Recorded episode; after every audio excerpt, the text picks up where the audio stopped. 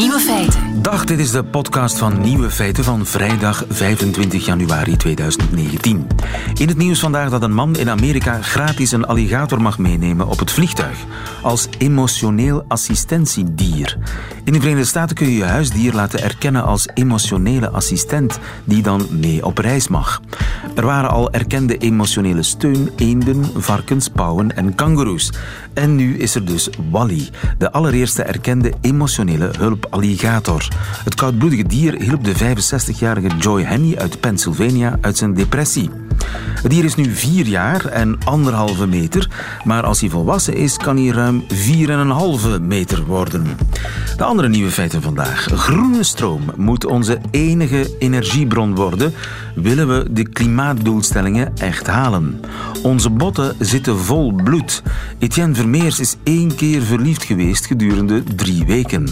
En poëzie verkoopt weer met dank aan Instagram. De nieuwe feiten van Bas Birker krijgt u in zijn middagjournaal. Veel plezier. Radio 1. Nieuwe feiten.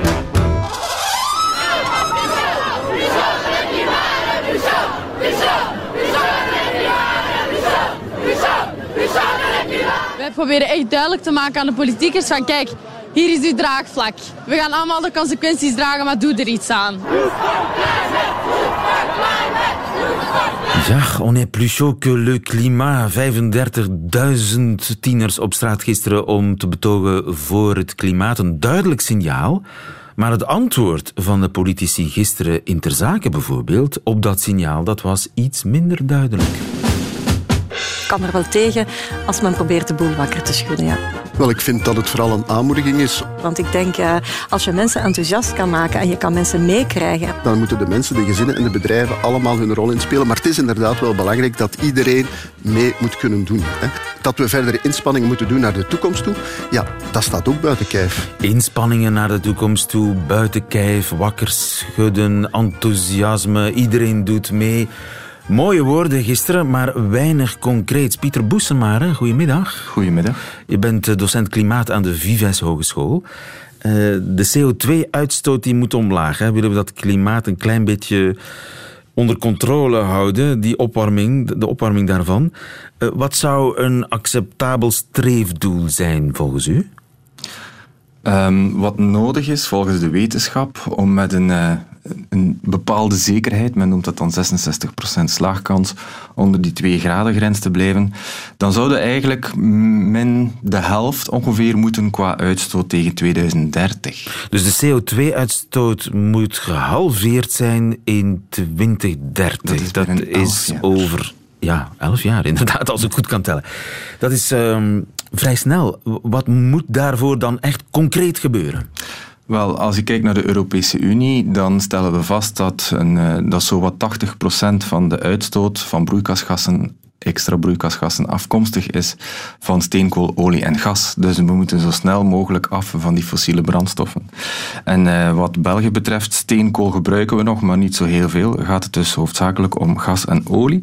Daar moeten we zo snel mogelijk vanaf. En de vraag is dan, hoe kan je dat doen? En eh, verbazend wekkend genoeg kennen we die oplossing al heel lang. Als je de rapporten van de Europese Commissie erop naleest of van eh, officiële instanties in Nederland of in ons eigen land, dan stel je altijd vast dat die oplossingen al lang gekend zijn. En de, de kern van de oplossing, pas op, het is zeker niet de enige, maar de kern van de oplossing is over zoveel mogelijk overschakelen op elektriciteit. En dan moet die elektriciteit uiteraard dan steeds hernieuwbaarder opgewekt worden. Ja, maar dat is het principe. We moeten eh, vooral hernieuwbare energie gebruiken om elektriciteit op te wekken.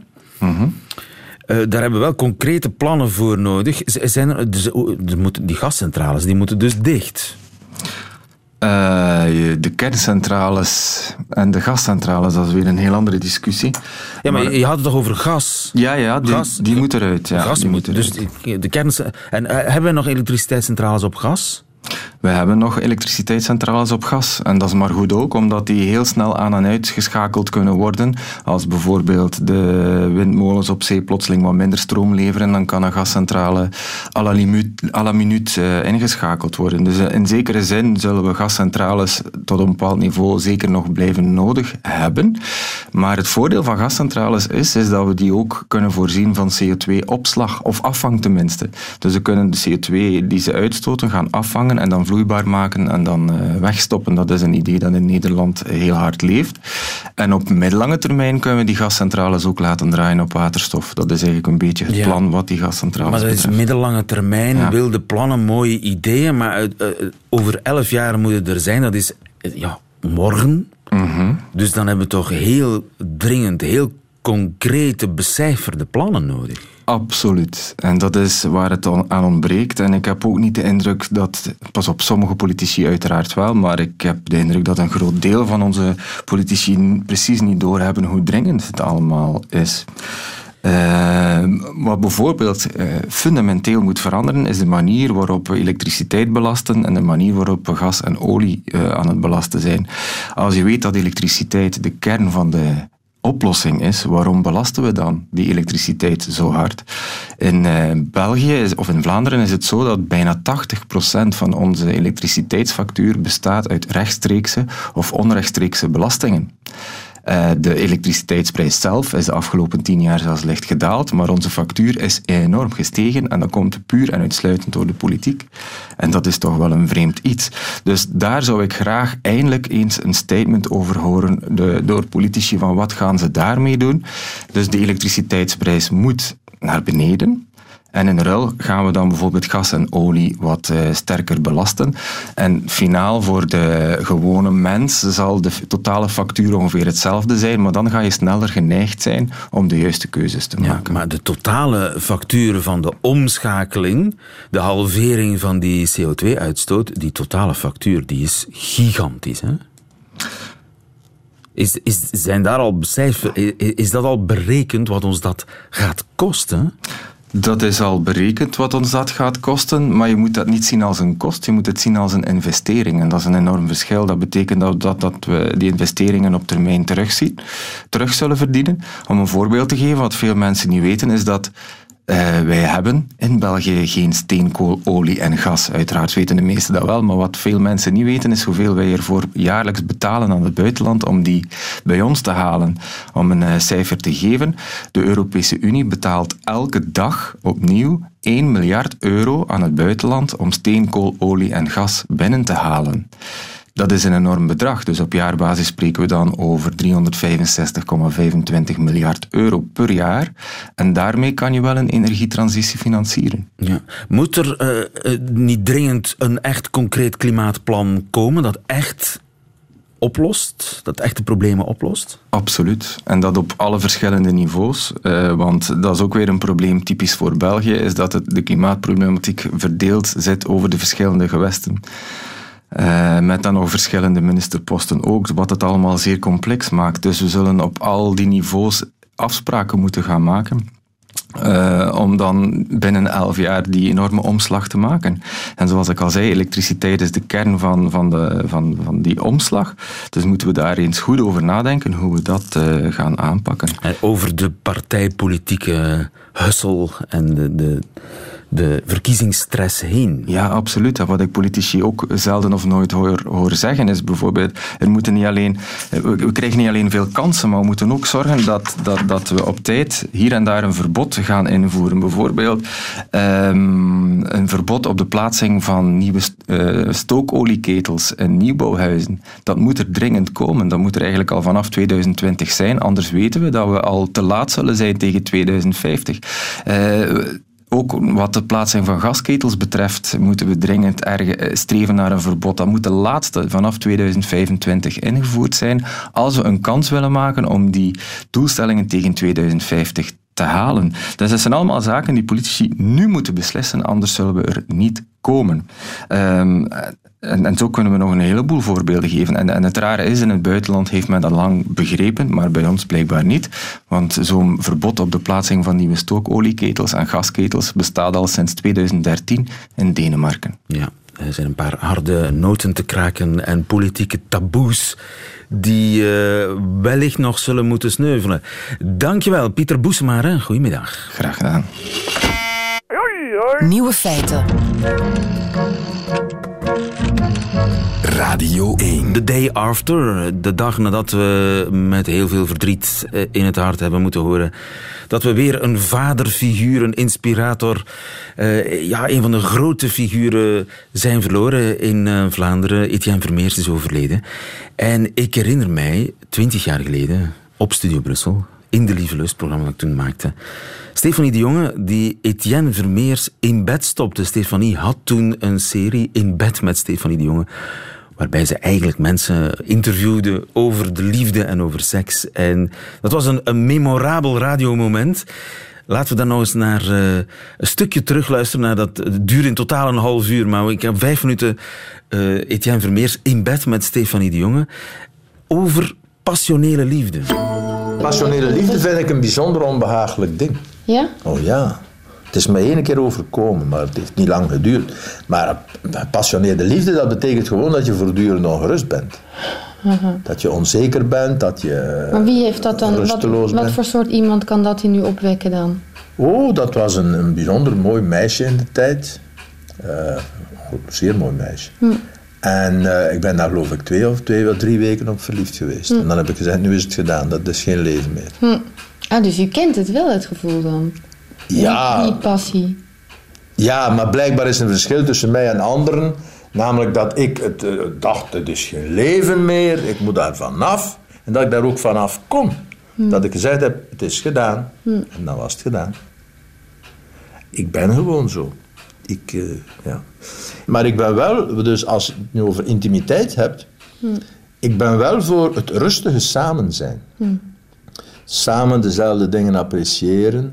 Dus eh, samen over van alles kunnen praten. En dus zonder dat daar zo, ja, zo'n passie bij komt. Maar Daar heb ik, dat is voor mij intimiteit. u zei mij net toch wel van, ja, al- als een man in bed komt te liggen en er ligt daar alvast een naakte vrouw klaar, ja, dan is het natuurlijk niet raar dat hij het niet heeft geprobeerd. Dus dat, Dat begrijpt lijkt- u dan weer wel? Natuurlijk, er is een, gewoon een, er is een normale aantrekkingskracht. Maar dat zal geen passie verwekken, dat zal gewoon een, een, zeer aangenaam en, eh, en lief ding zijn. Maar daar komt geen passie eh, bij, bij kijken, want als dat gedaan is, ja, dan, dan, dan, dan gaan we samen iets drinken of we praten nog wat of, eh, en, zo, en dan is het ook weer gedaan. Ik sta altijd verwonderd, eh en in Humo komen daar geregeld eh, die vraag, eh, ja, met wie zou je het nu eens willen doen? Ja. En dan zijn er een aantal mensen die zeggen, ah, ik kan het met niemand anders doen dan met mijn partner. Ik begrijp dat helemaal niet. Ik begrijp dat niet.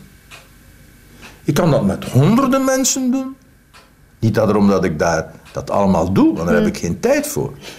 Maar ik bedoel, de partner is iemand waar je dus een zekere intimiteit mee hebt, waar je dus samen mee door het leven gaat, waar je dus op kunt steunen, waar je op kunt rekenen en dan wederzijds. En waar je dus ook een zekere ja, affiniteit voor hebt in allerlei zaken. Maar de erotische aantrekkingskracht, ja, er zijn toch talloze mensen die dat hebben.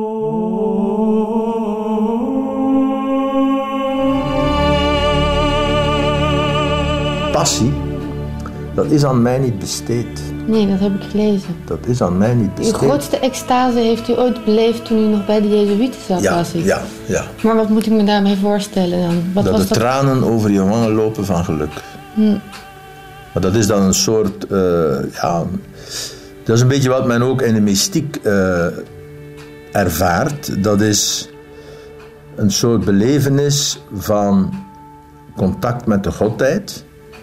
Een contact met de godheid waarin dan de overtuiging zit dat je dus echt daar reëel contact mee hebt. Dat, Daar zit ook de overtuiging achter van een, een, een, een, een liefde na- tot God en, en vice versa.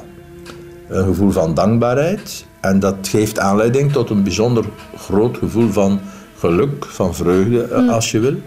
Nu is het zo dat dat voor mij, dat ik ervan overtuigd ben, dat je dat allemaal zelf produceert. Ik bedoel dat dit niet een reëel contact met de godheid is, maar dat je dus gewoon die, dat je die godheid zelf maakt. Hè? Dus het, je hebt contact met iets wat je, wat je vooraf zelf geschapen hebt. Dat is nu mijn overtuiging, maar zolang je daaraan gelooft, kan je daar zeer, zeer diep door ontroerd zijn. Maar En nu, ja? nu heb ik dat alleen nog met muziek. Essentieel.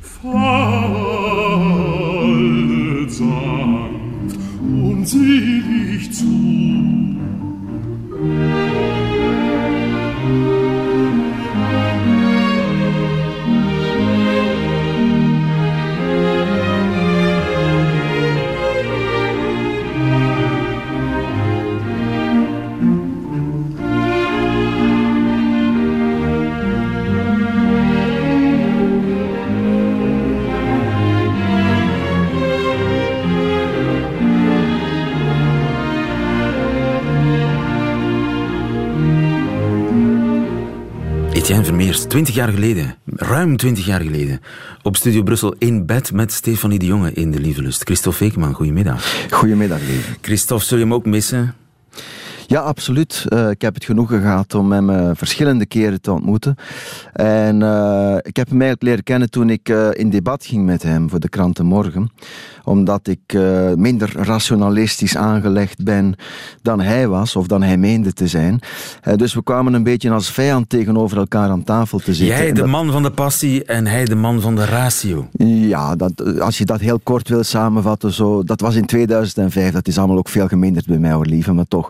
Eh, maar eh, dat duurde vijf minuten, die vijandschap. En eh, als het zo lang was. En we gingen eigenlijk als vrienden de, de deur uit. En ik heb altijd met heel veel eh, genoegen aan hem, eh, ja, altijd veel, veel genoegen beleefd aan onze ontmoetingen. eh, ja. Ja, want die helderheid die stond natuurlijk buiten kijf bij hem, maar dat gebrek aan passie, zo gezegd. Ja, wat je zegt, dus het zogenaamde gebrek. Het was toch wel de meest emotionele rationalist die Ja. zich laat bedenken of laat indenken. En ik vond hem ook heel geestig vaak. soms onbedoeld geestig. Ik herinner mij dat hij zei, ik ben ooit één keer naar een prostituee geweest om te weten hoe het, eh, hoe het is. eh, om inzicht te krijgen in, in de prostitutie. En hij zei, één keer heb ik dat gedaan en ik kan u dit vertellen. Al die meisjes zijn gek. Ja, hij was eh, heel warm en grappig. Maar Christophe, eigenlijk wou ik jou in de uitzending hebben om het over, ja, misschien wel iets pijnlijks te hebben. Pijnlijk voor jou als dichter. Oh. Want er is een Canadese dichteres, en ik zal het maar meteen zeggen zoals het is, die 3,5 miljoen exemplaren verkocht heeft van haar dichtbundel. Eh, ze heet Rupi Kaur. Eh, en 3,5 miljoen, dat is iets meer dan jij van jouw dichtbundel. Ja, ik heb twee dichtbundels gepubliceerd in de loop van de jaren. Daar zijn er alles samen acht van verkocht. Dus het, is een redelijk groot verschil. Maar ik vind het wel prettig dat nu eindelijk eens een keer komaf wordt gemaakt met de mythe van de poëzie als een uitgesproken marginaal genre. Hè. Eh, het is wel waar dat de poëzie het traditioneel moeilijk heeft aan de kassa van de boekwinkel. Maar als je nagaat eh, hoeveel mensen, hoe gretig en hoe massaal mensen naar poëzie gaan luisteren op allerlei festivals, dat is dan toch al iets helemaal anders. En ten tweede, eh, poëzie mag dan weinig worden gelezen, maar het wordt bijzonder fanatiek bedreven en op heel grote schaal. Hè. Ja. Ik ken heel Maar- weinig mensen die ooit al een roman hebben geschreven, maar ik ken nog minder mensen die nog nooit een, een gedicht bij elkaar hebben gepland. Ja, iedereen heeft Dus, wel uh, een gedicht geschreven. In die zin is het een heel populair genre. En dat verklaart dan natuurlijk ook uh, het succes van die Instagram-poëzie. Want daar waar, gaat het over. Insta ja. Instagram heeft de poëzie een, een boost gegeven. Ja. Want die uh, Rupi Kaur of Kaur, ik weet niet hoe je het moet uitspreken, die, haar, haar teksten die zijn eerst heel populair geworden uh, op, op Instagram. Hè. Een, een, prachtige foto van zichzelf met een paar diepzinnige regels erbij. Likes, likes, likes, likes, likes. zo is het groot geworden. Ja, dat klopt. En ik denk dat dat ermee te maken heeft voor een deel dat het bijzonder toegankelijke poëzie is. Hè? En uh, wat toegankelijke poëzie heel sterk gemeen heeft met heel hermetische poëzie, is dat als je het leest, dat je sterk het gevoel hebt, dat kan ik ook. En ik denk dat dat voor veel mensen ook een geruststellende gedachte is. Van kijk eens, dit is wereldveroverende, heel succesvolle poëzie, die eigenlijk ook niet zo heel erg veel om het lijf lijkt te hebben ja. in de eerste plaats. Um, maar laten we eens even een gedicht citeren. Uh, you cannot leave and have me too. I cannot exist in two places at once. Mm -hmm. When you ask if we can still be friends. Ja, dus het is, het is een vrouw van 5 of 26. Uh, en ja, ik heb, er zijn er zo nog, hè, dus trust your body, it reacts to right and wrong better than your mind does.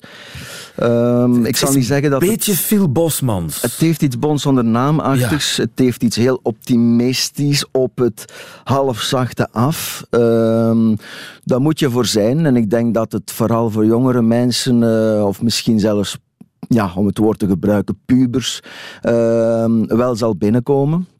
Mij spreekt het persoonlijk uh, veel minder aan. Ik wil er zeker niet wegwerpelijk over doen.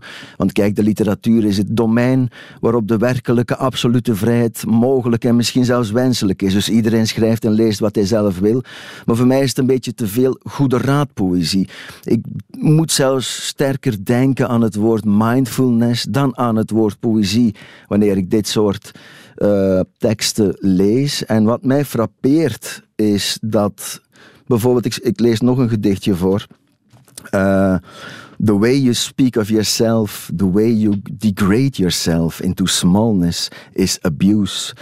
Mocht dat niet door een 25-jarige uh, vrouw zijn geschreven, dan zou ik geneigd zijn om dit te bestempelen als paternalistisch ja. of als bevoogdend. En ja, ik begin toch wel een beetje, en dat zeg ik helemaal niet uh, zoals je er net suggereerde uit afgunst of zo, maar ik begin wel een beetje heimwee te krijgen, liever naar de tijd dat literatuur nog geschreven werd door afwijkelingen, door mensen die ook een beetje verloren liepen in de wereld en niet de indruk gaven de wereld in hun zak te hebben zitten. Ja. Uh, schrijvers die mij op het slechte pad willen brengen ja. en niet op het goede. Hè? Ja, dat is inderdaad, uh, de, de tijden veranderen. Nu, uh, toont wel de kracht van Instagram. Hè? Stel nu dat Leonard Nolens Instagram zou ontdekken. Wie weet waar dat eindigt. Uh, ja, we mogen er niet aan denken. Um, het is ongetwijfeld een medium van, van ja, dat blijkt nu wel. 3,5 miljoen volgers heeft zij en, en bijna even zoveel uh, kopers van haar bundel wanneer die dan in druk ver, verschijnt.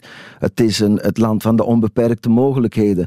Aan de andere kant, het zal ook weer niet iedereen gegeven zijn. Ja, maar zou grote poëzie ook Instagrammable zijn? Wel, het is toch een beetje het, het domein van de, van de hapslik uh, cultuur. Ik denk dat, en dat is toch typisch aan het internet in het algemeen. Hè, studies tonen aan dat mensen die een halve minuut lang dezelfde tekst zitten te lezen uh, op een scherm, op, op, op, via Google of, of wat dan ook, dat die uh, de uitzonderingen zijn. Dat die al blijk geven van een heel uh, sterk concentratievermogen. Dus en, jij, jij zou het niet eens proberen, zelf, een paar gedichten op Instagram? Wel, ik zit, ik zit niet op Instagram, ik zit wel op Facebook en daar plaats ik wel eens een... een ehm, een gedicht zei het eerder zelden, maar goed, ik heb het wel gedaan. En dan betrap ik mezelf er toch wel op dat ik kies voor de wat snediger, kortere gedichten, omdat ik ook mezelf ken. Ik ga zelf ook niet op Facebook uh, bladzijden lange uh, gedichten ja, zitten. Dus het is niet de, de redding van de poëzie, maar het is een ja, het is een onschadelijk bijverschijnsel. Het kan misschien mensen tot de poëzie brengen. Ja, dat zou je inderdaad kunnen hopen. Hè? Dus dat je op deze manier toch een soort van leesgedrag gaat cultiveren bij jongere mensen. Dat kan uitgroeien uh, tot, uh, ja, tot iets, laten we zeggen, tot een interesse in iets hoogstaandere poëzie. Maar nogmaals, ja, wie ben ik of, of wie is eender wie om, uh, om hier heel laatdunk, laatdunkend over te doen. Ik denk dat, laat het ons positief bekijken en laat ons inderdaad blij zijn met het feit dat die poëzie nu eindelijk eens in het nieuws komt uh, op een, op een, ja, dat een hoopgevende toon uh, is wat, wat de populariteit van poëzie betreft. En dat stemt tot vreugde. Dankjewel, Christophe Veekman. Goedemiddag. Vreugde. Dank je. Nieuwe feiten. Ik heb een kanjer van een nieuw feit voor u. Er stroomt bloed in uw botten. Ook in die van mij, maak u geen zorgen. Gwen Seijs, goedemiddag. Goedemiddag. Je bent orthopeed in het UZ in Gent. Ja. Het zijn collega's van u die een tot nu toe onbekend bloedvatensysteem hebben ontdekt in menselijke botten. Ik dacht ja. dat mijn benen uit ja, kalk, beendermerg misschien, maar toch geen bloed bestonden. Um, wel, het is zo. Um, ik denk dat iedereen al wel eens een mergpijp gezien heeft. Dus je hebt inderdaad beenmerg binnenin en daar rond dus uw dikke, harde schelbot. Ja. Wat wij de cortex noemen. En dus wij weten dat er in het bot, in het beenmerg, wel degelijk bloed toekomt. Dus we hebben één of twee aanvoerende bloedvaten en één of twee afvoerende bloedvaten. Um, en bovenop het bot ligt er een beenvlies dat ook zeer sterk doorbloed is. Dus uw bot heeft heel veel bloed nodig om te kunnen herstellen. En zeker uw beenmerg heeft bloed nodig om uw rode bloedlichaampjes te produceren en witte bloedcellen en bloedplaatjes te gaan produceren. Dus we wisten al dat er bloed nodig was om botten levend te houden, maar we wisten eigenlijk nog niet dat daar een, een compleet haarvatenstelsel zat.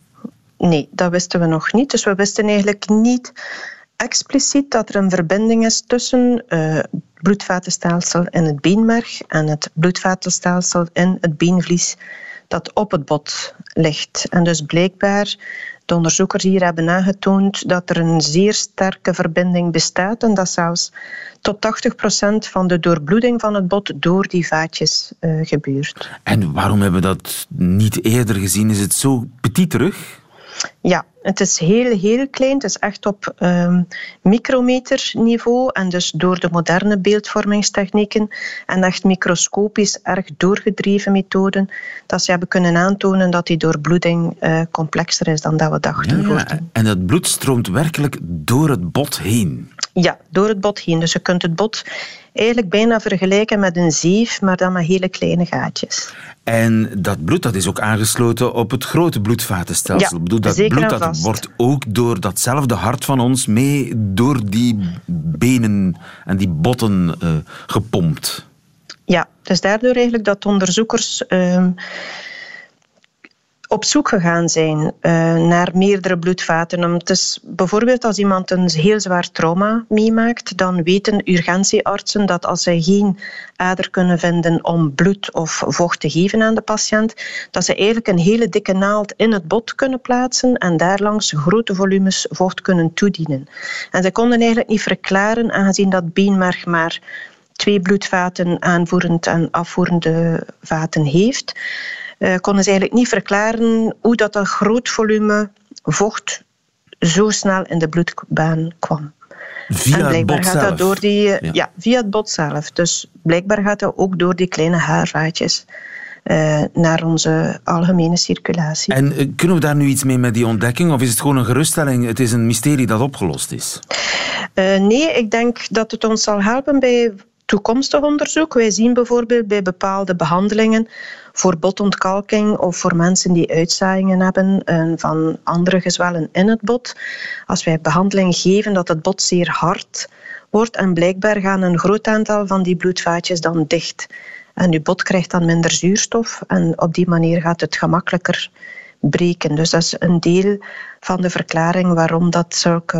Ja, en een begin van een oplossing. Eventueel Ja, misschien. Zeker en vast geeft ons meer begrip wat er juist gebeurt in het bot als wij medicatie geven of bijvoorbeeld bot gaan bestralen. Het geeft ons ook meer inzicht naar de effecten van ehm, bepaalde ontstekingsreacties in het bot, zoals bij reuma. Dankjewel, Gwen Seijs. Goedemiddag. Dank u wel. Tot ziens. Dag. Nieuwe feiten. Middagjournaal. Liefste landgenoten. Etienne Vermeers is dood. Dat is hij al een week, maar wij kwamen er pas gisteren achter. Zo bewijst hij zelfs postuum dat hij ons altijd te slim af was. Was ik een grotere opportunist, dan gebruikte ik deze zendtijd voor een eerbetoon aan de professor. Ik vertelde dan een leuke anekdote die de man typeerde, maar ik heb niet zo'n anekdote en ook geen zin om er een te verzinnen. Ik kende Vermeers zoals u, andere gewone stervelingen hem kenden. Als passant in allerhande praat- en duidingsprogramma's. Ik kan niet over hem meepraten, laat staan dat ik met hem mee kon praten. Wanneer ik iemand zoveel wijsheid hoor spreiden en elke discussie waar gevoel normaal de boventoon zou voeren, hoor beslechten met rationele argumenten, dan ken ik mijn plek. Die is ruim boven Joke Schouwvliegen, maar toch ver onder Etienne Vermeers. Mijn vader ging een paar jaar geleden ook een keertje dood. Hij was duidelijk tegen ons over wat er achteraf mocht gebeuren. Bloemen, nog kransen. Het enige dat hij ons toestond was een paar korte speeches in een café nadat zijn kist was verplaatst naar de betere verbrandingsoven. Ook voor die toespraken was er een draaiboek. Eerst zou mijn zusje wat zeggen, zodat al het emotionele gedoe achter de rug was. Want, zo redeneerde mijn vader, om nu na 72 jaar leven alsnog over gevoelens te gaan praten, dat zou een beetje mosterd naar de maaltijd zijn. Of boter naar de koffietafel. Na mijn zusje was het aan mij om de sfeer wat luchtiger te maken. Want jij bent toch gewend om grappen te maken voor een publiek, zei de oude man, om zo postuum nog een ultieme rotgrap uit te halen met me. En dus heb ik, op de herdenkingsbijeenkomst van mijn eigen vader, geopend met een letterlijk zieke grap. Beste vader, je was een man van zoveel talenten. Wat jammer dat je net dood moest gaan aan datgene waar je het allerbest in was: het hebben van kanker. Dat laatste was grappig omdat het waar was. Mijn vader had in de tien jaar daarvoor zoveel tumoren verzameld dat hij onder eigen aliassen waren beginnen reageren onder artikels op hln.be. Maar toch gaf mijn vader niet op. Vreemd hoe dat zelfs bij een extreem rationele man als hij zelf werkte. Hoe meer hij wist dat het einde nabij was, hoe harder hij zich vastklampte aan strohalmen die niet eens meer verankerd waren. Alle logica verviel en overlevingsdrang nam over. Dat is blijkbaar hoe het werkt bij gewone stervelingen. Niet bij Etienne Vermeers, zoals ik. Die dronk een glas wijn, lachte nog één keer met wie hij achterliet en besloot dat het genoeg was. En zo versloeg het genie zelfs de dood met ratio.